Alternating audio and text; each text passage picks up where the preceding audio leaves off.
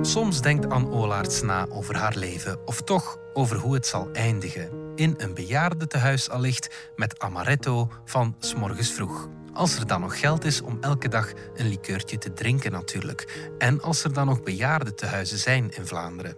Waarna Anne duidelijk maakt dat je maar beter niet te hard moet nadenken over hoe je oudere dag er zal uitzien.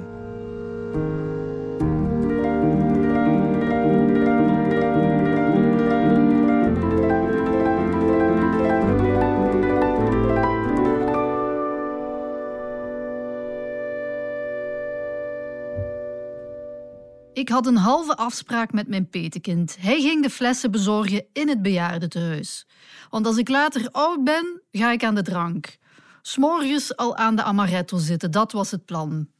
Maar het plan is veranderd. Het kost te veel. Minstens 2000 euro per maand. Hoe zou ik dat ooit kunnen betalen? Zoveel pensioen ga ik nooit krijgen. En erger nog, zodra de babyboomers dood zijn, wordt het fenomeen pensioen waarschijnlijk helemaal afgeschaft. Wat blijft er dan nog over? Ambulante zorg dan maar. Een Bulgaar met een snor die één keer om de veertien dagen langskomt om dan behendig te kiezen tussen of een PMD-zak voor de lege blikjes makreel of vers ondergoed of nieuw water voor mijn tanden. En ik intussen maar vloeken dat de wifi weg is en dat mijn petekind nooit op bezoek komt en dat de amaretto op is. Maar ook dat plan heb ik laten varen. Er is geen verplegend personeel meer. Geen Spanjaarden, geen Bulgaren. Vorige week stond in de krant dat ze nu al verpleegsters moeten rondstelen in India. En over 35 jaar, als ik echt oud ben, zullen er dan nog armere luizen zijn die tegen een prijsje voor mij willen zorgen. Ik denk van niet. Die mensen zijn ook niet voor eeuwig gek. Verhuizen naar de andere kant van de wereld, Nederlands leren, bleekscheten met losse vellen wassen, bloemkool platkoken met witte saus, de druppeltjes tegen glaucoom niet vergeten. Natuurlijk niet. Vroeg of laat kantelt de wereldorde. In plaats van oplossingen in te voeren uit het oosten, kunnen we net zo goed onze problemen uitbesteden aan het oosten. Je zult het zien, zei ik tegen de spondenligger.